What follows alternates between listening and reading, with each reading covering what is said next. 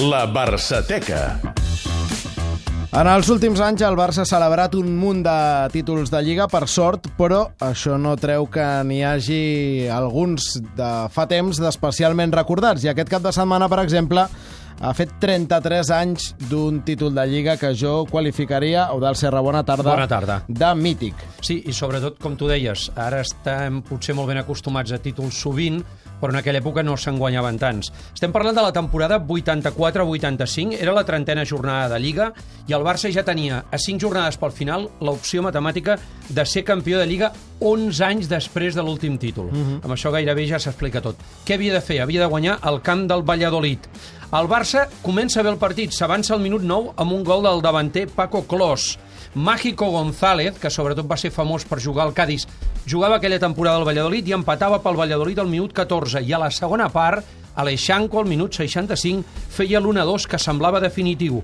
Però, a pocs minuts pel final, l'àrbitre xiula un penal contra el Barça que podia suposar l'empat del Valladolid i que el Barça hagués de demorar la celebració del títol de Lliga.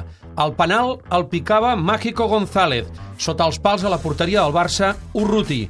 En Puyal, llavors encara a Ràdio Barcelona, ho explicava així, una narració que ha passat a la història. que obligarà a Urruti a tenir a les seves mans l'encert del campionat. Mira que si l'Urruti el parés, mira que si l'atrapés l'Urruti, minut 43 de la segona cap la pilota, Urruti atrapat, Urruti atrapat, Urruti t'estimo, Urruti t'estimo, Urruti t'estimo, t'estimo, Urruti t'estimo, Urruti t'estimo, Urruti t'estimo, Urruti t'estimo, Urruti, Urruti, Urruti ha atrapat el penal, Urruti ha atrapat el penal, amics i iguals del futbol català, quina emoció, quina emoció, al minut 43, aquests castellans s'han quedat amb un pam de nas. El Barça va acabar guanyant 1-2 gràcies a aquest penal aturat per uh, Urruti i Benevols a la banqueta uh, tornava a aixecar doncs, un títol de Lliga. No ho feia des de l'any 74,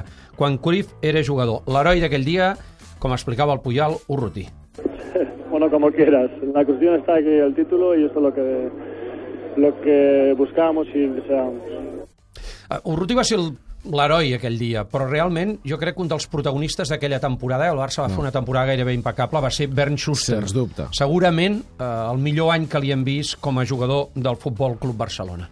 Hombre, claro, estoy muy contento porque hemos conseguido una cosa que, que sabíamos antes que siempre es muy difícil para Barcelona y además esperando 10 años y, y claro, entonces no podemos eh, ganar una cosa más importante y mejor que la liga. I qui també estava molt feliç aquell dia, Josep Lluís Núñez, el president del Barça, que era el seu primer títol de Lliga com a president. Ell havia arribat a la presidència al 78 i va haver d'esperar 7 anys per guanyar la primera Lliga amb el Barça. Sí, semblava que els últims quatre anys es faltava la sort que té que tindre un campió. Eh, Hem passat secrets, hem passat eh, lesions, hem passat enfermetats de jugadors importants. Crec que no és normal. Hem estat a punt de ser campions, jo diria, de... últimament. I, bueno, i aquest any s'ha aconseguit, no? Doncs bé, el Barça va guanyar aquella Lliga, eh, 11 anys després. És cert que després de guanyar aquella al 85 va haver d'esperar 6 anys més en guanyar-ne una altra, la temporada 90-91, però també és veritat que llavors va arribar un equip conegut com el Dream Team, amb Johan Cruyff com a entrenador, que en va guanyar 4 de seguides. Entre la Lliga de Cruyff jugador i la de l'Urruti T'estimo que hem recordat avui van passar 11 anys. Saps quantes lligues ha guanyat, guanyarà comptant aquesta el Barça en els últims 11 anys? Ara hauria de fer càlculs, però ja jo diria que jo. 7. Imagina't com han canviat els temps. no hace falta decir nada más que deia un dels que hem sentit avui. Això mateix. Gràcies, Odal. Adéu.